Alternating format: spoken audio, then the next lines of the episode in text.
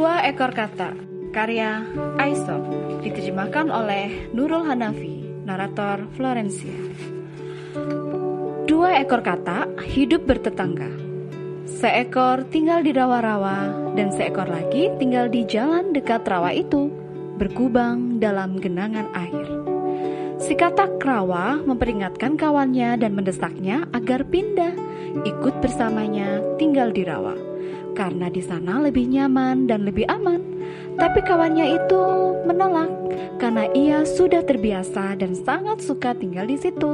Beberapa hari kemudian, sebuah gerobak syarat muatan melintas. Rodanya masuk genangan air dan menggilas si kata itu sampai mati.